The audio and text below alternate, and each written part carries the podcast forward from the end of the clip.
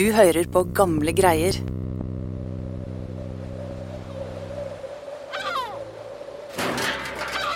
På en søppelfylling i Brooklyn på tampen av 1920-tallet hadde vokst fram et underlig urbant byggverk. En slags favela, en brakkeby bygd av modulhus og etterlatt skrot og fabrikkmateriell. Det lukta av skit og dårlig hjemmebrent i lufta. Det var en slags koloni utenfor det vanlige samfunnet. Og i byggverket så bodde nesten utelukkende unge, landflyktige norske menn. Ulike typer skjebner, men det vi vet er at uh, påfallende mange drakk seg i altså, eller døde tidlig. I, i, i Ørkenens hus var gjennomsnittsalderen 40 år på de som døde. Og her så sto han. Mannen som en gang kunne ha blitt verdensmester.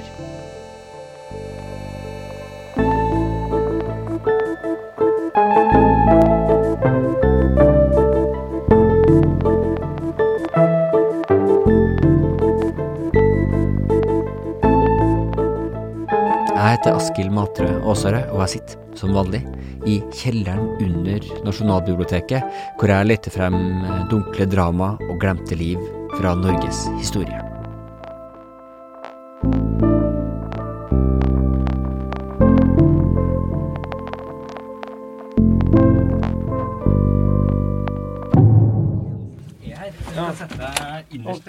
Jeg har fått besøk her i studioet mitt av forfatter Tor Godtås.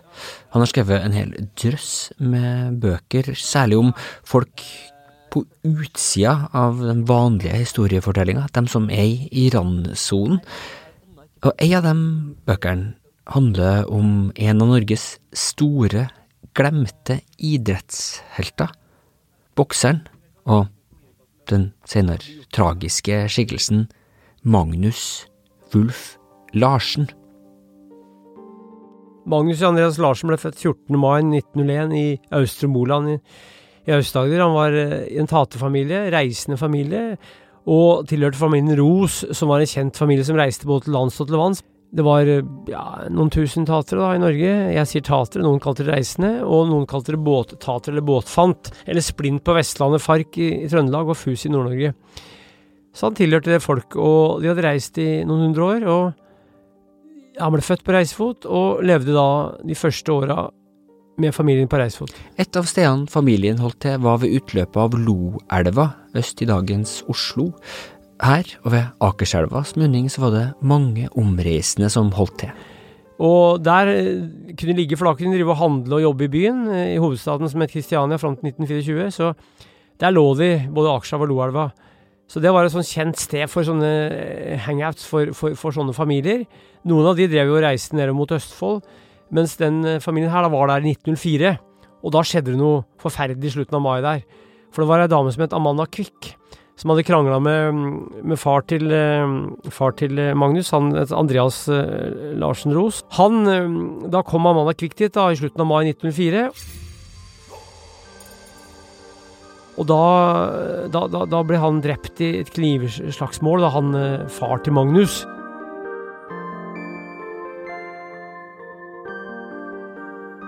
Det var en forferdelig hendelse i livet til Magnus. Da var han tre år, og så at faren ble knivdrept da ved Loelva.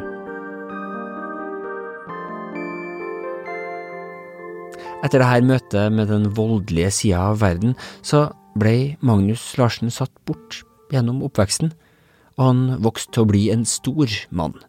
Han var, hadde rødt hår, veldig grove armer, grove lemmer, var ikke så lang, kanskje en, noen og 70, men var bjønnsterk, altså av kroppsarbeid, da. Han begynte jo på skolen først da han var rundt ti år, så han, han hadde altså da bygd opp styrke gjennom kroppsarbeid, og fordi han da sikkert hadde anlegg for å bli kraftig.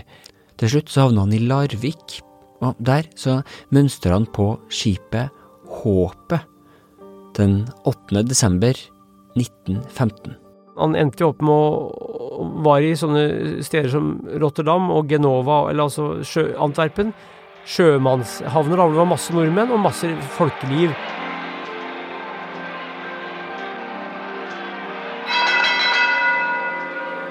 Han skal første gang ha begynt å bokse i en gym i Amsterdam når de lå i, i havn der, Og en av de aller første kampene hadde han mot en mann som het Bayfall, eller Battling Seeker, som han ble kalt. Battling Siki skal noen år senere bli verdensmester i 1922, og var en av de mest flamboyante bokserne i sin tid. Han skal ha gått ned Champs-Élysées med ei løve i bånd, blant annet, helt til han til slutt ble skutt død bakfra på gata i New York i 1925. Men Magnus slo han altså i en av sine aller første kamper. Han hadde veldig kraftige armer, stor slagkraft. Han var kanskje ikke den smarteste bokseren, iallfall ikke i utgangspunktet. Så han, han, han, hadde flere episoder til sjøs der, sies det, hvor, hvor, han da skulle måle krefter. Det var vanlig at de banka gjerne opp de yngste gutta, men han kom da som en uh, unggutt og uh, førstereisegutt, og, og var altså bjønnsterk allerede da. Kan, kan kalle han urkraft, altså. Til slutt så kom Magnus Larsen til New York. Han gikk i navnet i det, det som het Brochlin, og da, og da, sier jeg Brochlin, ikke brooklyn, for det var noe som het broklonesis. Det var et norsk-amerikansk språk, litt sånn som pakistanere snakker i Norge i dag, hvor de sa shave og joine og carpenter og flårlegger og sånn. Der var det 60 000 nordmenn som bodde på det meste, og Lapskaus boulevard, det var det 8. Avenue i Brooklyn. Det var da der nordmennene holdt til med norske kirker, norske begravelsesbyråer, norske bakerier. Et, et, miljø av nordmenn, for særlig mange nordmenn fra kystbyene, da, Sørlandet og Vestlandet, hadde utdannet til Chicago, eller Chicago, og, og New York eh, like etter eh, Litt før og litt etter første verdenskrig. Så det var et stort norsk miljø, og du trengte ikke å snakke engelsk for å, for å eh, overleve der. Så han ble en helt i den norske brokken, med aviser som Norgesposten og, og andre, andre, aviser, masse norske aviser som skrev om han. Så han fikk til litt sånn kjendisstatus og ble tatt vare på da, av sjømannspresten. Og han som var da sjef på Sjømannshjemmet, tok seg av Magnus Larsen i begynnelsen. Og med naturtalentet som Larsen hadde for boksing, så hadde han spesielt gode vekstvilkår i New York akkurat på denne tida. Så var, og Boksing var veldig stort da, både i New York og veldig stort i Norge på den tida. Så boksing var en sport som mange drev med. Så det var vel egentlig naturlig til at en sånn type ble, og, da, da, drakk han ikke, han drev ikke og tulla noe særlig da, så han var ganske edruelig, har jeg skjønt i begynnelsen. Så han var en ungdom, uskyldig ungdom, som, som var interessert i å lære og som ville leve et eh, edruelig, eh, ganske streit liv for, for, å komme seg opp og, og bli noe i USA. Det var mange som kom opp fra gateplan, mye fattiggutter. Eh, en del svarte, og det var en del folk fra hele Europa som kom til, eller hele verden som kom til New York. Det var mye kjeltringer som var manager. Det var raske penger, store penger. Så det var en snuskete bransje eh, hvor, hvor, hvor, hvor boksere da, som var utøvere av sporten, ble misbrukt. og hvor, managere og trenere, særlig managere, stakk av med store beløp. Magnus Larsen møtte også en annen del av det harde livet i byen. Nordmenn var ofte i konflikt med ei anna innvandrergruppe. Han var jo nordmann, og vi vet at nordmenn slåss jo mot italienere. Nordmenn så jo ned på italienere som de kalte degos. Og nordmenn mente at de var litt bedre enn de andre i Brooklyn, og de ble kalt squareheads. Altså firkanta huer, da. Utlendingen mente at nordmenn var firkanta i huet, eller kanskje mentalt, for de var jo ofte fra småbyer, småsteder fra landsby, og de var litt blåøyde og naive, mange nordmenn. Så de ble sett på å være litt sånn uskyldige, naive typer nordmenn. Mens mange av de andre utvandrere, eller innvandrere, kom jo fra litt større forhold eh, og hadde kanskje en annen, litt annen holdning i utgangspunktet før det kom til USA. I løpet av bare fire måneder som amatørbokser i, i New York, så når han helt til toppen. Nei, han eh, nådde langt, eh, og det er ikke alt som, som det sto om i, i de avisene som er riktig. så han boksa mot de beste, for, for, du vet at det, det som er problemet med boksehistorie, er at det, her er det jo mange som, som, som, gir seg ut for å være, for være verdensmestere, og det er masse rare titler og sånn. Men han ble jo han, ble, han var vel blant de beste boksere i Derfor er jeg litt forsiktig med å si noe bastant. En av de beste boksere i New York, og kanskje en av de beste amatørboksere i vektklassa si i USA. Det er altså litt usikkert, men han skal ha vunnet New York State Championship. Eh, til slutt så deltok han i det nasjonale amatørmesterskapet som ble holdt i, i Boston. Larsen han prøvde alltid å vinne på å, å slå knockouts, så i rask rekkefølge så slo han åtte mann på knockout. Den niende skal visstnok ha trukket seg, og dermed så vant han hele det mesterskapet.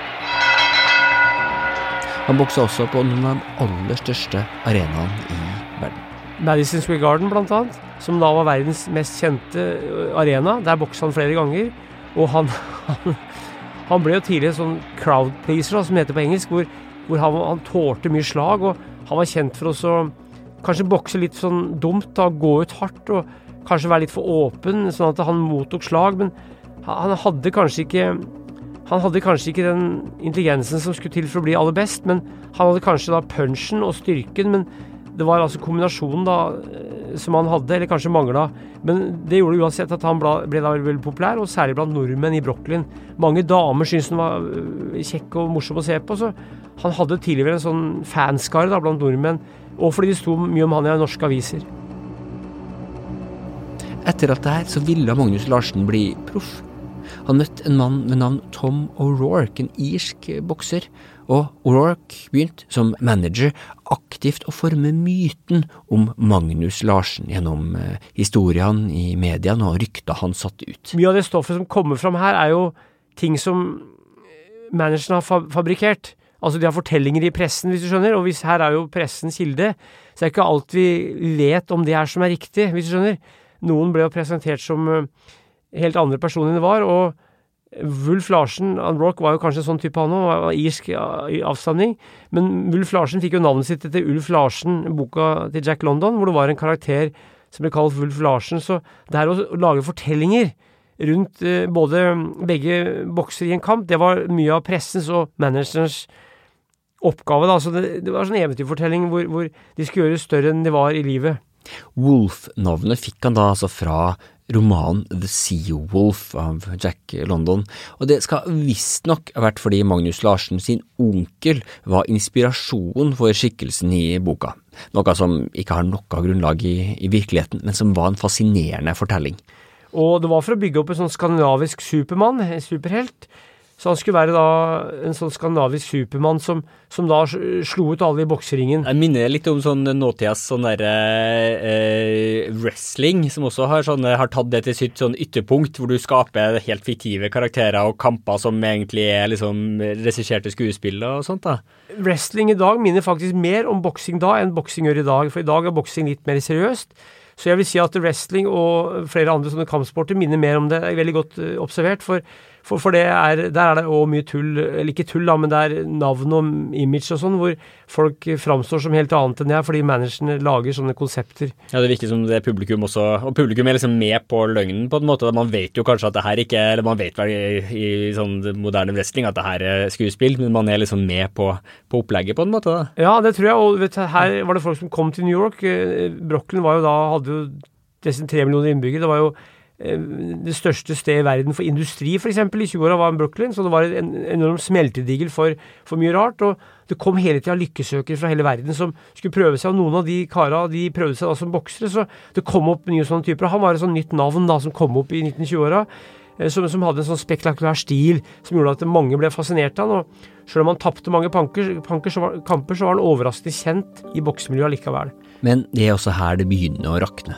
Gjennom O'Rourke så ble Wolf Larsen blanda inn i kampfiksing. Han ble til slutt nekta å bokse i New York på grunn av fiksing av to kamper.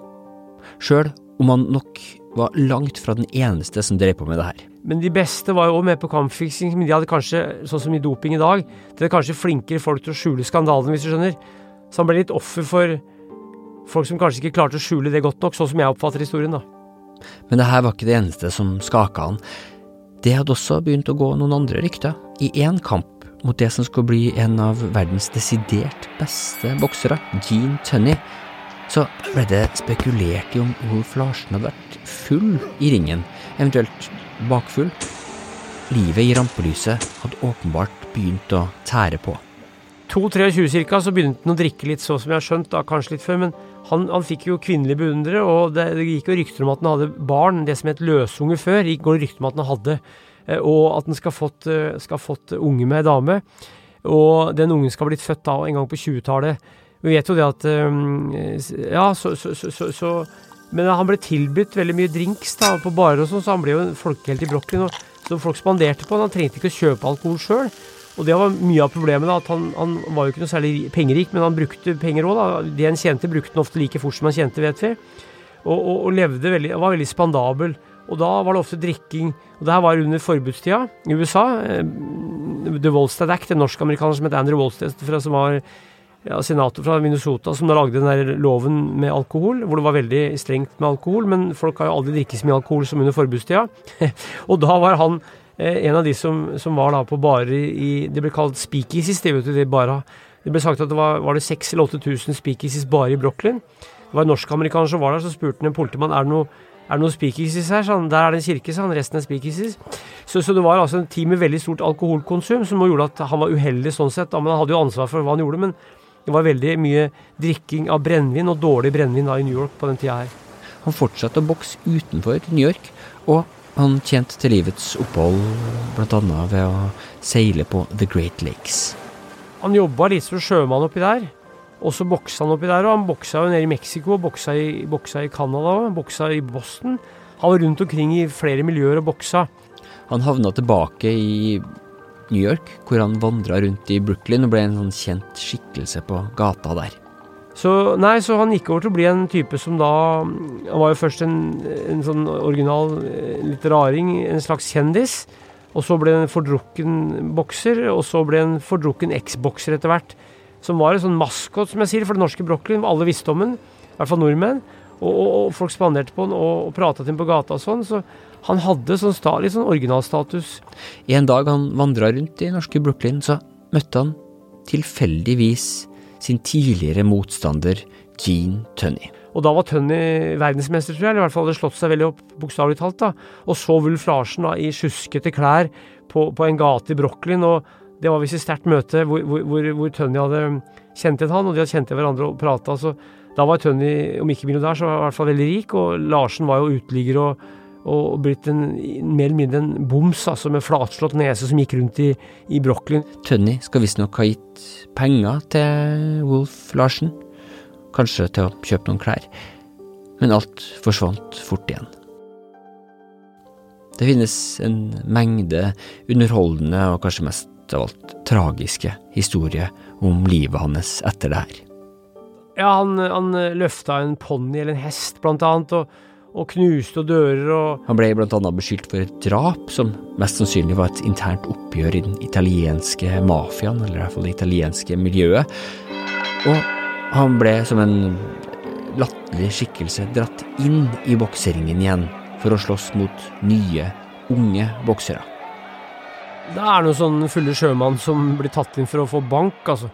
Han får noen dollar, og så, og så, og så får han juling, og så, og så, blir han slått helseløs og må nesten bæres ut av ringen, og da, da, da syns jo folk både det er trist, noen ler av det, men det er jo sånn ofte gamle boksere kan ende opp hvis de er blakke. Han trengte penger og drakk opp penga, så han, det var jo en veldig sånn trist måte å Da var han ikke gammel, han var noen og tjue år, men så kanskje ut som han var 40 år. altså Veldig sånn mye arr i ansiktet og flatslått nese og prega alkohol og et sånn løst levnet gjennom en god del år. Ikke så mange år, men noen år, da.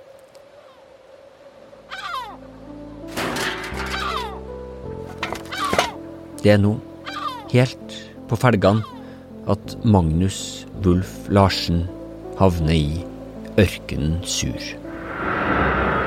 Det var et sted bygd opp av restematerialer og brakkebygg på en søppelfylling i havneområdet Red Hook. Ørkensu var en, eh, et område i Brooklyn hvor, over tolv kvartaler hvor det bodde mange norske sjømenn. De første som slo ned seg, var i 23, som vi vet om. Han het Erling Olsen, han var borgermester av Ørkenensur. Han regjerte med sunn fornuft og en knyttneve, ble det sagt. Og Der var det da sånne klynger av hytter, hvor det var gutter fra Karmøy, Haugesund, Larvik, Oslo, Fredrikstad. Og hver, i hver gruppe så var det en konge, og så var det en ordfører, da. Og mange endte opp i Ørkenensur. Det bodde kanskje 600-700 mann på det meste der. Nesten ingen dame. Vi vet om ei norsk dame, hun ble kalt Oslo-kvinnen. Sannsynligvis tidligere prostituert. Det var noen familier fra Puerto Rico som bodde der, ellers var det stort sett nordmenn. Noen svensker, dansker og finner. Og noen indianere og noen svarte, da men, men nesten bare nordmenn, altså som, som, da på det meste utgjorde en 600-700 personer. Og en som heter Carl Holm, en misjonær, eh, religiøs person fra Ålgård på, i Rogaland, han, han, begynte å misjonere der og skrev da om ørkensur. Og det ble da oppdaget som en sånn slags vorte på det norske Brochlin. Påfallende mange drakk seg altså, eller døde tidlig. I, i, i ørkensur var gjennomsnittsalderen 40 år på de som døde. Navnet Ørkenen Sur, eller på engelsk The Bitter Desert, hadde misjonæren Carl Holm tatt fra Det gamle testamentet.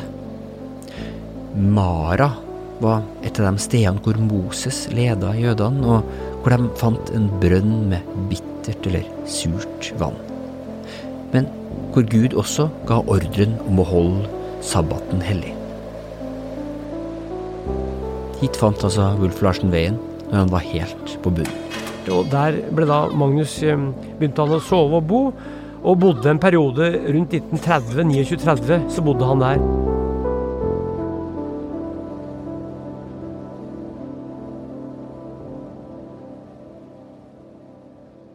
Han prøvde å kave seg opp igjen, han fikk seg en jobb på Betesta, som et sted som drev suppekjøkken i Brooklyn, i 1930. Men han havna på fylla rundt nyttår det året igjen. Han ble arrestert, og han ble sluppet ut igjen. Så i juni 1931 så skulle han være maskot på et boksestevne. Da ble han funnet forslått på en gravplass. Visstnok banka opp av en gjeng italienere. Så det er legenden om døden hans, at den ble banka opp av en tre-fire mann og, og, eh, slått, ikke i hjel, men sånn at den eh, da ble slått kanskje helseløs, men jeg tror nok òg at den hadde indre organer som var nedslitt av drikking, altså lever og nyrer og sånn. Så, så, så, legenden er vel at, eh, at, det var et slagsmål, men jeg tror nok det var òg generell svikt etter langvarig drikking av brennevin som da var veldig sterkt, for vi vet at mange ble blinde, mange ble dårlige av den brennevinen som var i forbudstida. Så det var nok en kombinasjon av forskjellige ting. Hvor var det han dør til slutt? Det var på Norske Hospital i Brooklyn, og det var et sykehus hvor, hvor, hvor, eh, det var norske diakonisser og norske sykepleiere. og Nordmenn kunne jo få, få fjerna blindtarmen av en norsktalende eh, lege, og jeg har flere eksempler på det. Så han døde blant, blant nordmenn, og, og bokseforbundet i New York de, det var de som betalte, betalte, betalte begravelsen. Og det sies da at det var ei dame, da, minst ei dame, som som, som, la mye roser og blomster på, på, graven. Så det sies at det var minst en kvinne de beundrer som, som, som sørga veldig da han døde da i 1931, i sommeren 1931. Livet til Magnus Wulf Larsen har vi bare bruddstykker av i dag. Bare så vidt så mange at Godtås har klart å rekonstruere den fortellinga som vi har fortalt i denne episoden. Og historien hans ender jo altså da ikke i en stor triumf eller i et comeback eller noe sånt. Sånne ting som jeg som oftest liker å avslutte de her episodene av gamle greier med. Han var en av så mange marginaliserte norske menn som sleit seg ut og døde i randsonen i forskjellige havnebyer rundt omkring i verden, uten å ja, etterlate seg så altfor mange spor. Men Magnus Wulf Larsen, han fikk i alle fall, gjennom sine knytta never og mytene som ble spunnet om han, et kort øyeblikk fly høyt opp på stjernehimmelen, før tyngdekrafta fra virkeligheten og den bitre ørkenen dro han ned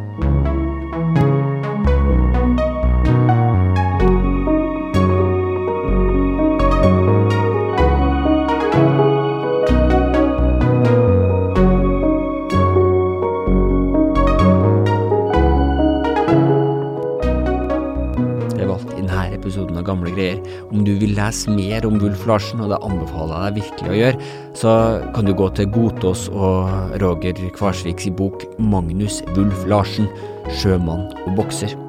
Og vil du lese mer om en del av de her skikkelsene som også er i randsonen av eh, det vanlige livet, og i randsonen av de tingene vi vanligvis eh, kjenner fra norsk historie, så kan du også lese På Loffen landstrykere og vagabonder langs norske landeveier, som også er skrevet av Godtås.